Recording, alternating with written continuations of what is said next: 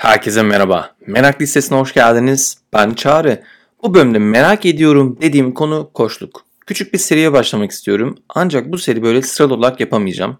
Çünkü hem merak ettiğim konular değişiyor hem de bu seride olmasını istediğim kişilerle irtibata geçerken onlarla aslında planlamak biraz böyle vakit alabiliyor.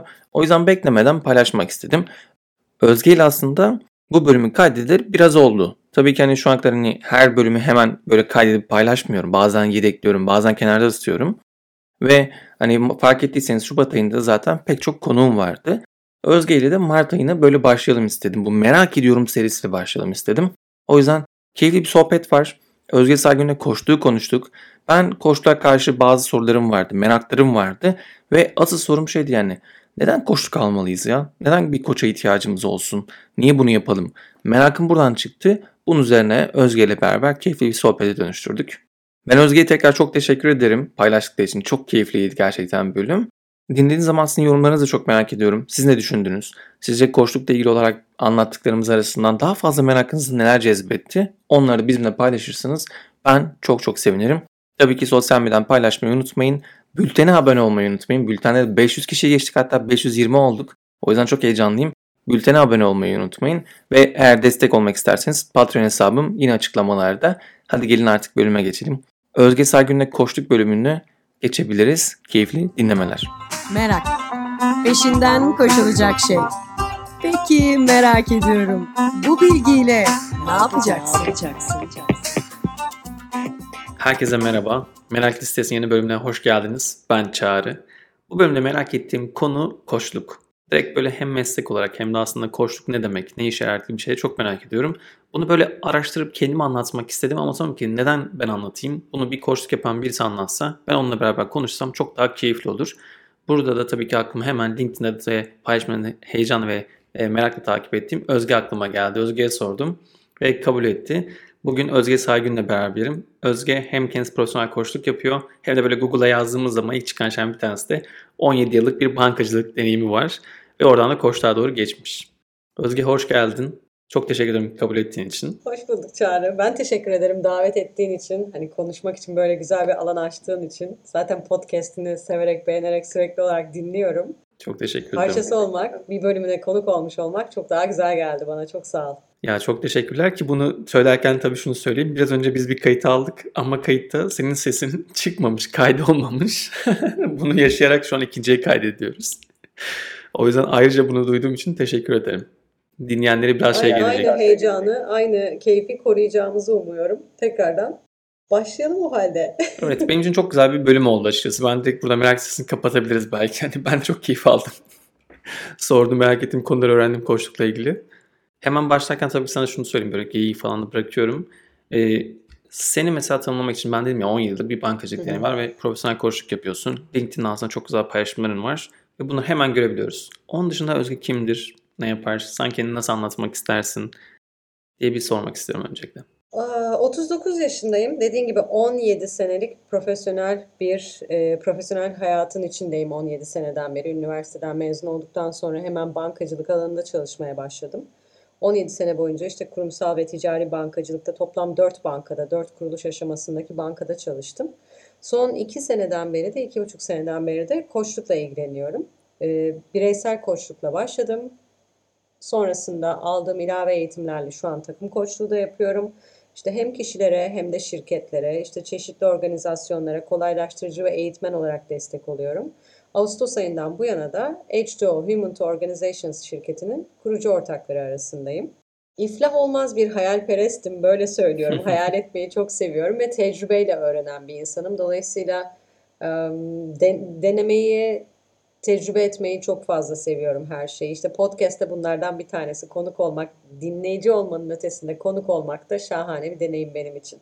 Harika. Ki hani böyle ilk ses kaydı olmadığı için ikinciye böyle itfaat şey yapayım. Kendim böyle insanlara anlatmak istiyorum sana da şey olarak. ikinciye kaydı yaparken de bunu düşündüğü için, söylediğin için çok teşekkür ederim. Ya o zaman tabii ki klasik soruyla başlayayım yani bir koçluk konusunu merak edince. Çok fazla aslında bu konuda böyle kitaplar var, yazılar var, makaleler ulaşabiliyoruz ama ya ben oradaki tanımlar haricinde ben senin için mesela koçluk nedir çok merak ediyorum. Ya bir de bu çünkü profesyonel bunu yaptığın için sen koçluğu nasıl tanımlıyorsun? Ya koçluk şöyle bir şey. Kişiler arasında ya da yani gerek bireysel gerekse profesyonel e, ortamlarda kişinin e, potansiyelini en üst düzeye çıkarmaları için ilham veren, düşünce doğrucu, e, kışkırtıcı yeri geldi mi ve yaratıcı bir iş bir yaratıcı bir süreçte bir işbirliği yapmak. Hani ben buna yansıtmadan hareketle ayna olmak ya da yol arkadaşlığı da diyorum. Hani gölge olmak onunla beraber. Çünkü çok fazla böyle yeni dönem ya da New Age olarak tanımlandırılacak kelimeleri de, mistik kelimeleri de kullanmamayı tercih ediyorum açıkçası. Çünkü nasıl konumlandırdığımız o mesleğin sahibi olarak bizler açısından da önemli. Bazı anlarda seçeneklerimizin hani sınırlı olduğunu düşünüyoruz ve kendimize cesur, cevval, net sorular soramıyoruz. Ya da o sorulara, sorduğumuz sorulara öyle güzel cevaplar veriyoruz ki beyin sen de biliyorsun ne kadar e, meşrulaştırma yeteneği yüksek bir organımız yani bazı şeyleri. Dolayısıyla evet, kandırılması çok kolay. Aynen öyle. Do- dolayısıyla koçluk bu esnada o işbirliğinde çok büyük destek sağlıyor insana. Ya gerçekten çok önemli bir nokta. Bir de şey de merak ediyorum yani neden mesela koçluğa ihtiyacımız var? Yani bununla ilgili çok fazla aslında düşünce hani sormak istediğim bazı şeylerden bir tanesi bu. Çünkü gerçekten her yerde aslında kitaplar var. Kişisel gelişim kitapları şu an en çok satılanlar oluşturuyor. Gidip herkes zaten bunlara bakıyor. Hatta en çok evet. okunan kitaplar da bunlar ve hepsi aslında birbirine çok benziyor ama koçluğu da anlatan, koçluğu içeren çok fazla yazı da var, video da var. Yani her şey var aslında. Peki neden biz koçluk almalıyız? Neden koçluğa ihtiyacımız var? Şu iki, iki cepheden cevaplayabilirim bu soruyu. Şöyle bir şey, bu işbirliğiyle kişi koçluk aldığı zaman güçlü yönlerini keşfediyor. Onu neyin mutlu ettiğini biliyor. Neyin motive olduğu, neyi motive ettiğini biliyor. Hayattan ne beklediğini biliyor. İşte içindeki potansiyeli nasıl ortaya çıkaracağını ya da hangi özelliklerini hangi dönemde nasıl parlatması gerektiğini öğreniyor. Bu da kişiyi bütünselliğe e, sevk ediyor ve kimliklerini dengeliyor. Şöyle düşün.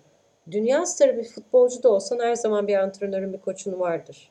Çünkü saha farklıdır, hava koşulu farklıdır, karşındaki takım farklıdır.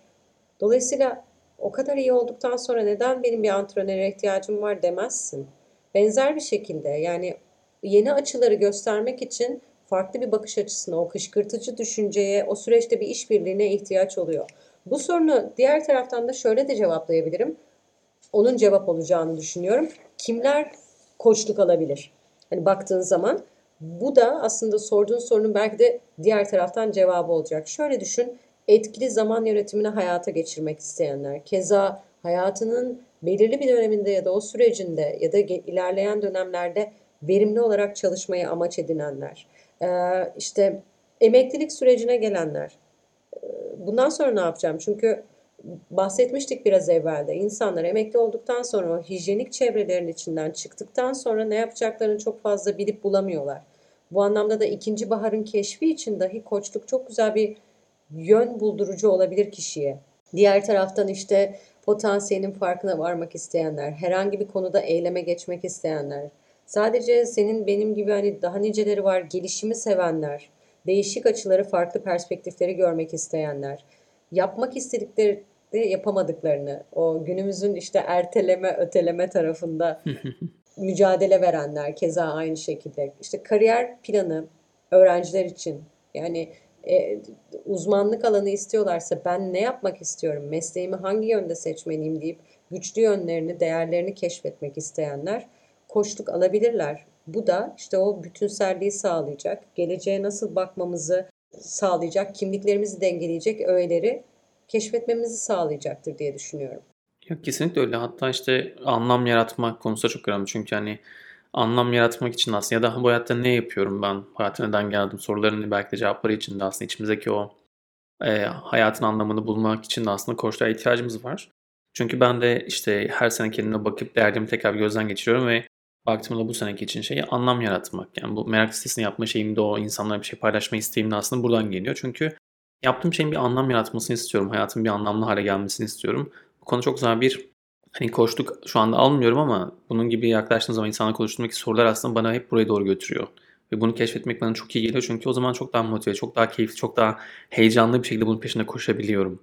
Ki hani bu son dönemde baktığımızda pandeminin de hızlandırdığı bir süreçle beraber aslında şirketlerin de peşine düştüğü şey çalışanların anlam yaratacak işler verebilmek. Yaptığı şeyler aslında çevreye duyarlı olduğunu göstermek, işte hayata bir katkı sunduğunu göstermek. Çünkü herkes bunun peşinde. Eğer bunu veremiyorsa bir yer, iş yeri de veremiyorsa, insanlık hayatında bunu bulamıyorsa o zaman sanki böyle birçok yerden uzaklaşıyor gibi. Yeni bir şeyin peşine düşüyor ya da belki biraz düşüyor ve ne yapacağını bilemiyor ve biraz kayboluyor gibi geliyor. Bir taraftan da e, şirket tarafında da mesela dediğin gibi önemli. Çünkü şirket değerleriyle de çalışanların bütünlük sağlaması için onlara bu desteğin verilmesi de beraber hareket edilmesi, o grup, ekip, takım kültürünün oluşturulması için de aynı şekilde önemli. Kesinlikle. Bir de bizim söylediğin koçluktaki anlattığın şeylerde yani şey hatırlattı bana. Vygotsky'nin işte yakınsal gelişim alanı diye bir kavram var. Ve ben bunun işte daha önce merak listesini dinleyenlere belki buraya da koyarım. Daha önce böyle bir bölümde yapmıştım zaten. Bununla ilgili bir yazı da yazdım. Çünkü aslında hepimiz hayatımızda belli bir şeylerin potansiyelimizin bir üstüne çıkabilmek için bir desteğe ihtiyacımız var. Vygotsky bunu anlatırken eğitimin aslında olmasının gerektiğinden bahsediyor ki hani insan potansiyelin üstüne çıkabilmesi için, becerilerin geliştirebilmesi için ya akranlarından böyle bir desteğe ihtiyacı var. Hani daha önce bu yoldan geçmiş bilen kişilerin ya da gerçekten bu alanda uzman kişilerin desteğiyle beraber bir sonraki seviyeye çıkabilir, daha yukarı çıkabilir, kendini geliştirebilir. Bunu düşününce de şu an çok popüler olan bir başka kavram da var. Türkiye'de de yeni yeni artıyor. Mentorluk var bir taraftan da. Şimdi birçok insan mentoru da koçu da çok karıştırıyor. Böyle herkes aslında kendisine mentor derken bir taraftan bakıyorsun koç olduğunu söylüyor. Ya da zihnimizde hep böyle bir sanki birbirine böyle girift bir hal var gibi. Ben şey de merak ediyorum ya mentorlukla koçluk arasında nasıl bir fark var? Ya da hiçbir fark yok mu acaba? yok o kadar o kadar büyük farklar var ki ve dediğin gibi hani biz mesela koçluk nedir anlattıktan sonra genelde konuşmalarımızda şöyle devam ediyoruz. Ee, koçluk ne değildir? Koçluk danışmanlık değildir, koçluk mentorluk değildir, koçluk e, terapatik işlemler değildir, e, keza eğitim değildir çünkü bir müfredatı yoktur aynı şekilde. Mentorlukta e, eşitler ilişkisi yok. Koçlukta bir eşitler ilişkisi var. Yani bir yol arkadaşlığı diyorum. Yol arkadaşının önünde ya da arkasında gitmezsin, yanında gidersin. Hı hı. Senin kendi göremediklerini gösterebilmek için benim ayna gibi olmam gerekir ya da. Dolayısıyla koçlukta tamamen bir eşitler ilişkisinden bahsediyoruz. Ben orada sana koçluk yaparken herhangi bir e, gizli ajandayla ya da öğreticilikle kesinlikle tarafsızlıkla gelmeliyim. Ve gerçekten merakımı sana yöneltmeliyim. Mentorlukta şu gerekiyor. Senden çok daha iyi olmalıyım. Senin şu anda benim vaktiyle geçtiğim yollarda olman gerekiyor ve benim sana tecrübelerimi aktarmam gerekiyor. Burada öyle bir şey yok. Burada önemli olan benim ne kadar iyi dinlediğim, yolunu açmak için ne kadar merakımla eşlik edebilip o soruları yöneltebildiğimle alakalı. Güzel. Çok teşekkür ederim. Burada da söylenen böyle biraz da şeytan avukatlığını yaparak şeyi çıkaracağım. Yani danışman değildir dedin koçlar mesela. Orada da şey var zaten aslında psikologlar ve psikiyatristlerle konuşurken böyle koçluk falan deyince benim de çevremde sağ çok fazla var. Ve çok da seviyorum onları. Dinlerken şey yapmasınlar bana. Arkadaşlarım ama koçluk deyince böyle bir burun kıvırma haline dönüyorlar bir karşı kalkıyor. Bir, bir tepkileri var yani koçlar karşı.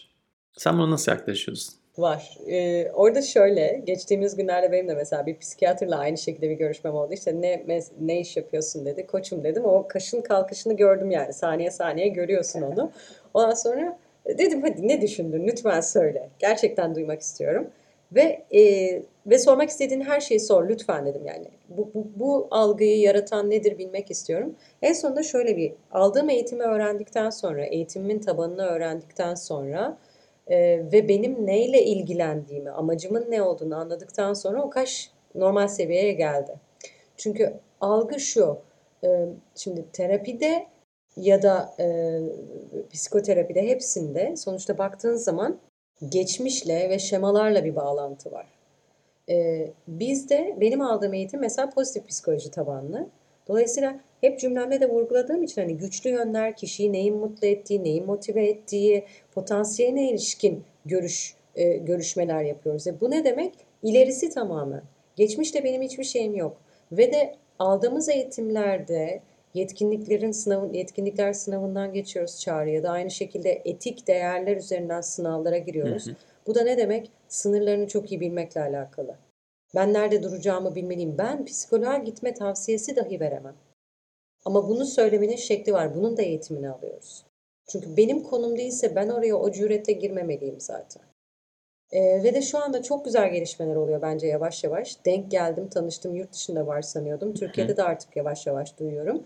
Ee, psikoloji eğitimi aldıktan sonra koçluk eğitimi alanlar da var. Ve soruları mesela neyi farklı yaptıklarını tecrübe ettim bir kere ve de bizzat sordum da aynı şekilde. Sorularının şekli değişti. Yaklaşımlar, beden dili, uyumlanma vesaire. Ya bu iki taraf birbirini besliyor ama dediğim gibi bizim tarafta koç olarak haddimizi bilmemiz gereken bir nokta var. O sınırlara saygı gösterildiği sürece zaten mesleğin de saygınlığı aynı şekilde devam ediyor. Ya tabii ki yani böyle mesela bir önceki kayıtta da konuşmuştuk daha önce de sohbet ettiğimizde de. Ya aslında koçluğa bakınca tabii ki Türkiye'ye giriş şeklinde de sen de hani söylemiştin. İlk girdiğimizdeki algıyla şu anki algı arasında bir fark var. Çünkü ilk girdiğim aslında biraz böyle bilmediğimiz ama işte daha çok televizyondaki yani popüler olan şeylerde, haberlerde de, mesela dizilerde çok fazla karikatürize edilen bir tipleme olarak görmüştük ki o zaman aslında düşününce çocuklar duymasındaki psikolog da öyle gözüküyordu. Yani o da aslında benzer bir şekilde bir karikatürize etme var. Çünkü diziler, televizyonlarda bunlar hep yapılan bir şey. Koçluk da böyle girmişti hayatımıza yaşam koçları. Aslında herkesin böyle sanki yaşam koçu olması gerekiyor gibi minvalde konuşurken bunu bir tiye alma hali vardı. Ama sen bunda da bir değişim var. Sen bunu nasıl gözlemliyorsun bir profesyonel koç olarak? Var diye görüyorum. Çünkü yani şöyle bir şey var. Doğruya doğru. Baktığın zaman ben yaşam koçu muyum? Evet. Yaşamın, yaşanılanların koçuyum. Çünkü hı hı. kişinin sonuçta mevcut durumu ve potansiyeliyle ilgileniyorum. Ve baktığın zaman bunu yaşamdan soyutlayamazsın ve orada bütünsel bir yaklaşımı hedeflediğimizi söylüyoruz. Hani iş yerindeki ve evdeki iş yaşam sosyal dengesinin oluşmasından bahsediyoruz kişinin koçlukla kazanacakları arasında. E dolayısıyla ben hani inkar edemem ki yaşam koçu olduğumu. Evet. Bununla birlikte bahsettiğimiz gibi içi boşaltılmış bir yaşam koçluğu kavramı var ne yazık ki. E bu da birazcık işte e, araştırmaktan, işinin uzmanlarını bulmaktan, onlarla temas etmekten, belki işte e, yetkinlikleri sorgulamaktan geçiyor. Şunun 15 senelik e, geçmişi olan, 15-20 seneye yaklaşan geçmişi olan bir meslek koçluk. E, bence son zamanlarda özellikle pandemiyle birlikte ihtiyacın artması, bunun bireylerin yanında şirketlerin de aktif olarak hayatına katması, insan kaynakları tarafında e, koçvari yaklaşım ve liderlik eğitimlerinin aldırılması biraz biraz e, artarak da ben o iade itibarın yapıldığına inanıyorum artık. Ne güzel duymak bunu. Ya çünkü düşününce koçluk konusunda hani ben çok önemli bir şey ki ben hani aslında biraz araştırmaya başladığımda da hani bunu almak istiyorum bir taraftan. Ama o zaman boyunca bir direnç vardı bende de. Bu sonuçta yavaş yavaş daha çok bildikçe içine girdikçe senle konuştuk arada bir. O beni rahatlatan bir şey doğru gidiyor aslında bunu yapman neden özlem oldu. Ama bir taraftan da böyle şunu da sormak istiyorum. Çünkü koçluk deyince hani sanki herkes koçmuş gibi bir algı var. Çünkü kendisine kişisel gelişim uzmanı demek için herkes kendisine bir koç takısını koyuyor önüne ya da belli bir alan içerisinde koçum demeye başlıyorlar. Ama aslında sen anlattığın şekilde hani tekrardan bir duyalım istiyorum. Koçluk süreci aslında çok hemen böyle bir şeyi aldım ve bir eğitime gittim, bir atölyeye gittim. 3 saat içerisinde koç oldum denilecek bir şey değil. Yani çok uzun bir emek vermek gerekiyor. Gerçekten değil. Bir de hani e, bu anlamda benim de koçluk almam mevzu gereken mevzulardan bir tanesi olarak söyleyebilirim. Ben bir de böyle oldum diyebilen de bir insan değilim. Hani koçluk zaten oldum diyebileceğim bir şey değil, bir süreç. Ee, şöyle ki ilk e, 2019 yılında işte modüllere başladığımda ben almaya ülkenin hani ileri gelen okullarından bir tanesi Adler'den eğitim aldım ben. Ee, pozitif psikoloji tabanlı eğitim veriyor. 2019 yılında koçluğa başladığımda birazcık merak ettim açıkçası o modüllere başladığımda. Hani benim hayatımdaki yansımaları ne olacak diye. Sonrasında ben meslek olarak evet koç olmaya karar verdim. Bu süre zarfında da ama eğitimler gerçekten maddi manevi e, yıpratıcı süreçler. Kolay bir şey değil. İlk eğitim 92 saat sürüyor. Sonrasında 9 aylık bir ileri koçluk eğitimi var. İleri koçluk eğitimi praktikum olarak nitelendiriliyor pek çok okulda. Onun sonunda hem 48 saat eğitimden geçmiş, 10 saat mentorluk almış, işte bütün 40 tane görüşme kaydı hazırlamış, 8 tane laboratuvara katılmış ve hani böyle çılgınca vaktini harcamış ve sayfalarca ödev yapmış oluyorsun. Onu bitirdikten sonra eğer dosyan geçiyorsa dosyanın içinde çağrı, sözleşmen bile var. Neden dersen sen o okulların görünen yüzüsün dışarıda. Dolayısıyla her şeyin eksiksiz olmalı ve mesleğin saygınlığını sürdürülebilmesi için de haliyle bir, bir, bir düzen olmalı. Ve bunu da sağlıyorlar. Herkes aynı eğitimden geçiyor. Sonrasında iki tane ses kaydı veriyorsun. O ses kaydı geçtiği Hı. zaman bir ünvanın oluyor. Onların hepsini alıyorsun. Uluslararası akreditasyon için International Coaching Federation ICF'e başvuruyorsun. Orada 155 soru, 180 dakika başka bir sınavdan geçiyorsun. Sonra işte bizim gibi iflah olmaz eğitimleri seven insanlar takım koçu da olacağım diyor. Bir 50 saatte öyle alıyorsun falan derken yani e, bitmeyen bir süreç.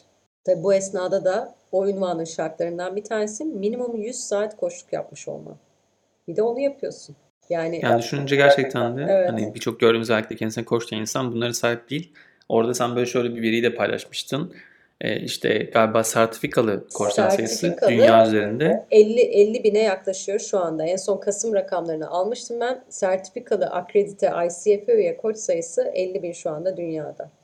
Bu öyle aslında bir şey ki. çok az ama sanki böyle çevremizde çok fazla kişi koçmuş gibi geliyor yani. Ama düşününce dünyada 50 bin deyince yani Türkiye'de zaten kaç kişi olabilir gibi bir şeye Evet. dönüyoruz. Orada ben algoritmanın biraz azizliğine uğradım. Bak onu paylaşabilirim mesela. Kendi algoritmama bakıyorum. Herkes sürekli koç. Abi diyorum nasıl bir işe giriştim ben? Herkes koç, herkes koç. Kendi arkadaşlarım vardı mesela hani herkes koç görüyor musunuz falan diyorum ben böyle. Dediler ki Özge benim kendi LinkedIn çevremde bir sen varsın bir de X kişisi var. Ha değil mi? Peki. yani o, orada biraz sanırım hani neyi Google'ladığımızla neye baktığımızla da alakalı algoritmanın bize de önceliklendirerek sundukları arasında koçlar ağırlıklı diye düşünüyorum ben. Ya evet büyük ihtimalle. Ya böyle sana böyle bir ekşi sözlükten bir yorumda bahsetmek istiyorum. Böyle bir şey var. Onunla ilgili bir de fikrini merak ediyorum. Yani bir koçlukla ilgili olarak bakınca çünkü gerçekten hani koç nedir diye aratınca ilk çıkan şeyin bir tanesi bu oluyor. Ne Şöyle bir yorum yapmış Hiç birisi sözlükten. Diyor ki söz, yorum yapan kişi. İki kaz versen güdemez adamların ortalıkta koçluk sertifikam var benim havalarını atarak birilerinin engin bilgi becerilerinden destek alacaklarını kendilerinin de köşeyi döneceklerini zannetme sanatına koçluk denir diye bir entry var ek sözlükte. Bunu duymak sana nasıl geliyor? Yani çok e, nasıl? Biraz adaletsiz geliyor, biraz yargılayıcı geliyor, biraz işte aslında bu cümlede baktığımızda o başında konuştuğumuz hani yaşam koçluğu, içi boşaltılan kavramların da yansımasını görüyoruz. Son zamanlarda işte artan bir şekilde ben o iade itibarın yapıldığına inanıyorum deme noktam da bundan hareketle. Hı hı. e, koçlukla, koçluk okullarıyla, koçluk yapmakla, işte koçvari yaklaşımlar bunlar yavaş yavaş literatüre giriyor şu anda. Gündelik dilimize de giriyor ve o anlamda bu yorumların azalacağını düşünüyorum. Ha, diğer taraftan şöyle söyleyeyim, üyesiyim ICF'in. Aynı şekilde Projeler ve Araştırma Kurulu'nda da çalışıyorum. Orada da sosyal sorumluluk projelerinin üretilmesi için bir fiil içindeyim. Ve bu anlamda da şunu çok rahat bir şekilde söyleyebilirim. Ee, Etik kurul çok güzel çalışıyor. Yani kendi içimizde ünvanlanmadan yazdığımız takdirde etik kurul sürekli bunları araştırılıyor ve uyarılar gönderiliyor, geliyor. O yüzden yavaş yavaş işte mesleğin iyileşmesi, saygınlığının kazanılması, daha neyin ne olduğunun anlaşılması farkı şu birkaç senede iyice ne oluştu diye düşünüyorum ben. Hı hı. Yani duymak güzel çünkü gerçekten de o algı hep, hep var zaten. Belli şeylere karşı bu algıları yaşıyoruz. Ve bunlar popüler olan şeyler de hep böyle yani en başında demiştim yani gördüğümüz biraz daha karikatürize edilmiş halleri çok fazla görüyoruz. Çünkü akılda onlar kalıyor yani ilgimizi çeken öyle bir şey üzerinde dalga geçmeyi seviyoruz. Şunu da merak ediyorum bir, bir koçun mesela süper gücü sence nedir? Koçun süper gücü yargısız dinlemek. Yargısız Çok dinlemek zor bir şey değil mi? çok zor bir şey. Yani karşındaki kişinin önsüz ve sonsuz olduğunu bilmen gerekiyor. Onun ne olduğu, yönelimi, ne iş yaptığı, nelere ilgi duyduğu seni hiç alakadar etmemesi gerekiyor.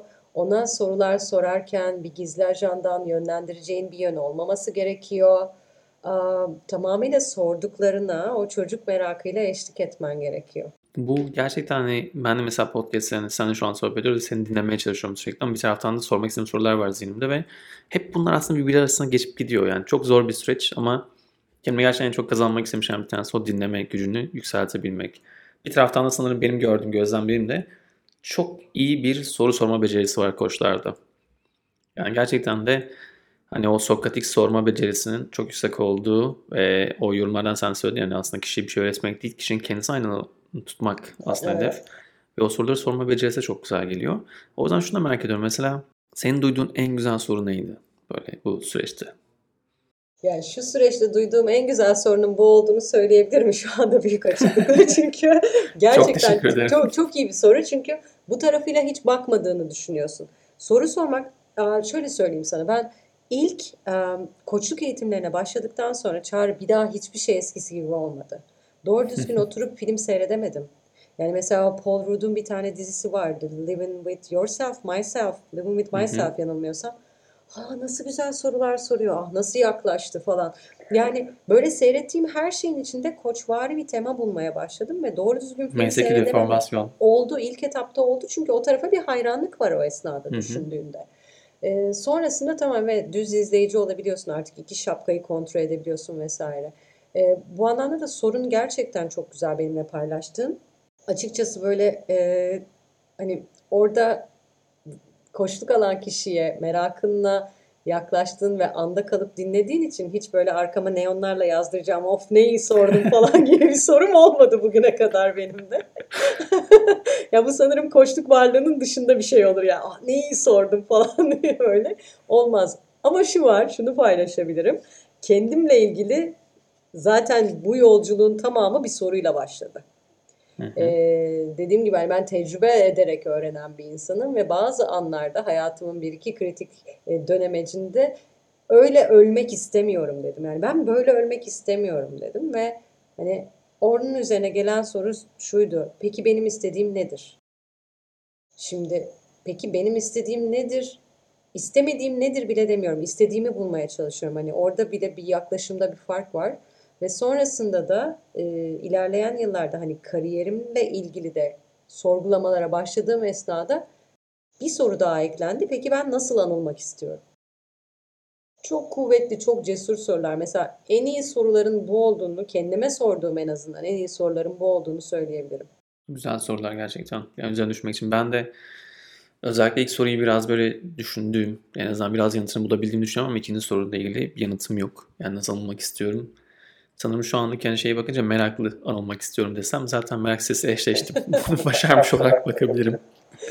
Ama sonraki soru gerçekten cevabını bilmiyorum. Bu biraz şakasına söylediğim bir şeydi. Düşünmek için güzel bir nokta oldu. Bunu cebime aldım hemen. Ya bir de e, koçlukla ilgili düşündüğüm zaman ya mesela koçluğu bilmenin şey, şeyi var sanki. Ya koçluk aslında şey gibi geliyor bana. Kendine yaptığın bir yatırım. Biraz bana ben hep diyorum merak sitesinde de ben bencilce bunu yapıyorum. Çünkü öğrenmek istiyorum. Merak ettiğim şeylerin aslında bende daha uzun süre kalacağı hale gelmesini istiyorum. Koçluk da çünkü sen o maddi yatırım, üzerine kalkıp da o kadar uzun saatler boyunca bunu alabilmek ve bu kadar aslında emek vermek, çabalamak sadece hani başkana ben faydam olsun diye değil de sanki böyle çok insanın kendisine dair bir yolculuk gibi geliyor. Bilmiyorum bu dışarıdan mı bana böyle geliyor yoksa senin için de bu süreç böyle mi oldu diye merak ediyorum. Şöyle söyleyeyim, nereden başladığımı öncelikle anlatabilirim. Hani ben böyle hmm, zaten kendime doğru işte kariyerimi sorguladığım dediğim hani ne yapmak istiyorum dediğim bir dönemeçteydim o sırada. Ee, Podcast'in burasını dinleyenler şey diyebilir aslında bak bütün koçlar böyle başlıyor falan gibi bir algı olabilir çünkü bunu çok sık duyuyorum ama ben kariyerimi sorguladığım bir dönemdeydim o sırada. Hani ne yapmak istiyorum çünkü kendimi e, hep hep merak eden, hep soru soran bir insan oldum. O noktada da işte bir gün bir meditasyon esnasında e, ses meditasyonu, sound healing deniliyor. Gerçekten çok keyifli. E, işte meditasyonu gerçekleştiren kişi pek çok müzik aletiyle orada e, meditasyon yapmana eşlik ediyor. Bu esnada da yanımda bir hanımefendi horlamaya başladı. Ya böyle hayatında seçim yapmak durumunda olduğun esnalar vardır ya yani. Şimdi o sırada bir seçim yapmak durumundayım. Ya hanımefendiye dokunacağım ve çıkaracağı sesle kalan 18 kişi daha e, uyanacak ve ben hani meditasyonu mahveden kişi olarak o bakışlara maruz kalacağım ya da ben bir karar vereceğim ve o sırada Çağrı hani doğrulup bütün sınıfın aksine döndüm. Ve o sırada şu geldi hani meditasyon belki de amacına hizmet etti. Ben değişirsem dünya değişir dedim. Ve böyle Hani o esnada kariyerimi sorgulamam, yaptığım işten gittikçe soğumam, ne bileyim stres seviyem arttıkça iş yerinde yükselen sesim ya da bunu yönetememem, bozulan ilişkilerim, işte yetişemediğim pek çok şeye dair e, olan e, stresim son buldu. Ve dedim ki okey, benim bir şey yapmam gerekiyor. Yani bir cevap belirdi ama bir süreç olması gerekiyor. Hani böyle bu kadar bu denli kırılmalarda, e, paradigma değişimlerinde farklı bakmaya başlarsın ya o noktadan sonra da her şey çorap söküğü gibi geldi bende. O dönem bir arkadaşım dedi ki hani sen böyle bir farklı bir farkındalık seviyesine geliyorsun. Bir koçlukla tanışman lazım dedi. Ben hiç koçluk almadan bu arada koçluk eğitimi almaya başladım. Ben dedim ki okey yani Adler'i tavsiye etti. Gideyim şu okula nasılmış? İşte görüştüm. Dediğin gibi bir yolculuk. Oldum deme imkanın yok. Çünkü her daim o merakta kaldığın sürece, o soruları yönelttiğin sürece aynı şekilde kendine de o soruları yöneltiyorsun. Ve bunları yönelttiğin sürece de öğrenmeye devam ediyorsun. Sen hani öğrenme alanının ne kadar kıymetli olduğunu bilen, onu kurgulayan birisisin. Yani o merakın bir sabah olmasa bir boşluğa düşersin. Koçluk da aynen böyle. Bir eğitim alıyorsun, hayatın değişiyor. Evet. Oradan başka bir şey görmeye başlıyorsun ve o da o şekilde devam ediyor. Ve sürdürülebilir bir şey ve bence zamansız, mekansız bir şey koçluk. Hayatımın sonuna kadar buna devam edebilirim diye düşünüyorum ki mentorlarımın hepsi de benim koçluk aldığım insanlar ya da 60'larının üzerindeler. Bu çok bana geleceğe dair de aklımı, fikrimi, zihnimi kullanarak çok güzel bir e, ufuk açıyor. Gerçekten öyle aslında düşününce ya. Bir de e, o görmüş geçirmiş diyoruz deneyim aslında. Önemli olan zaten yaştan bence bağımsız kalan tarafı o. O deneyimi ne kadar değerli kılan şeyden bir tanesi bunun sürekli aslında devam ettirebilmek o hevesi ve sıkılmadan yapabilmek. Bu çok zor bir şey çünkü herkes aslında çok kolay sıkılma şeyiniz ve tüketim toplumundayız. Yani her şeyden o kadar kolay sıkılıyoruz ki ama bir zaten düşündük koçların hep uzun sürede bile olsa hep farklı işler çalışıyorsun. Her insan aslında yeni bir deneyimi var, yeni birisi var ve biricikliği var. Belki bu da aslında yaptığın o koştu bilmiyorum nasıl ama en azından ben biri bir insan tanıştığımda her zaman şey o o parıltı görmek, o heyecanı görmek çok daha keyifli geliyor. Çünkü inanılmaz bir şey yani herkes yeni, herkes biricik ve onu anlamaya çalışıyorsun. Dediğin gibi o merak ederek o kişi dinleme hali de ayrı bir keyif gibi geliyor. Yani bu da dışarıdan ya da benim kendi en azından arkadaş çevremde deneyimlediğim taraf böyle geliyor. O eşsizlik vurgusu çok güzel oldu. O biriciklik vurgusu gerçekten çok önemli. Ben şey olarak nitelendiriyorum bunu. Her insanla her yaptığım görüşme bir dizi. Dizinin bir bölümü. Ama ne olacağını, nasıl gelişeceğine dair, konu başlığı aynı olsa bile nasıl final yapacağına dair hiçbir fikrim yok. Evet bir de hayatın öncesinde bilmiyorsun. Yani dizinin tam ortasından girmiş gibisin. Önceki bölümlerde ne olduğunu dair Ve o seni ilgilendirmiyor. Yani. Aynen öyle. O seni ilgilendirmiyor. O kadar güzel ki yani. Black Mirror gibi hani bir bölüme giriyorsun sadece ve önsüz sonsuz yani orada. Güzel. Yavaş yavaş böyle 30. dakikadayız falan 33 hatta olmuş galiba.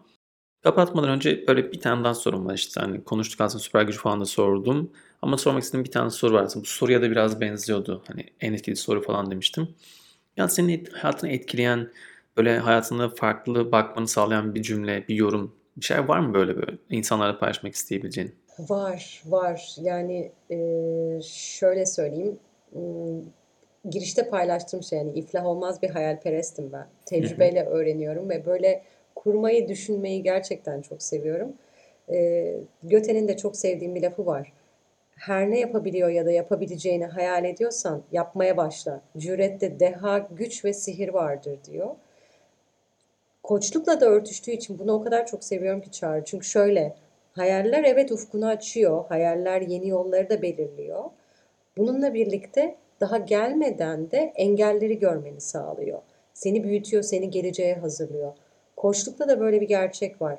Ee, yarın sabah kalkıp koşacağını hedefleyebilirsin evet.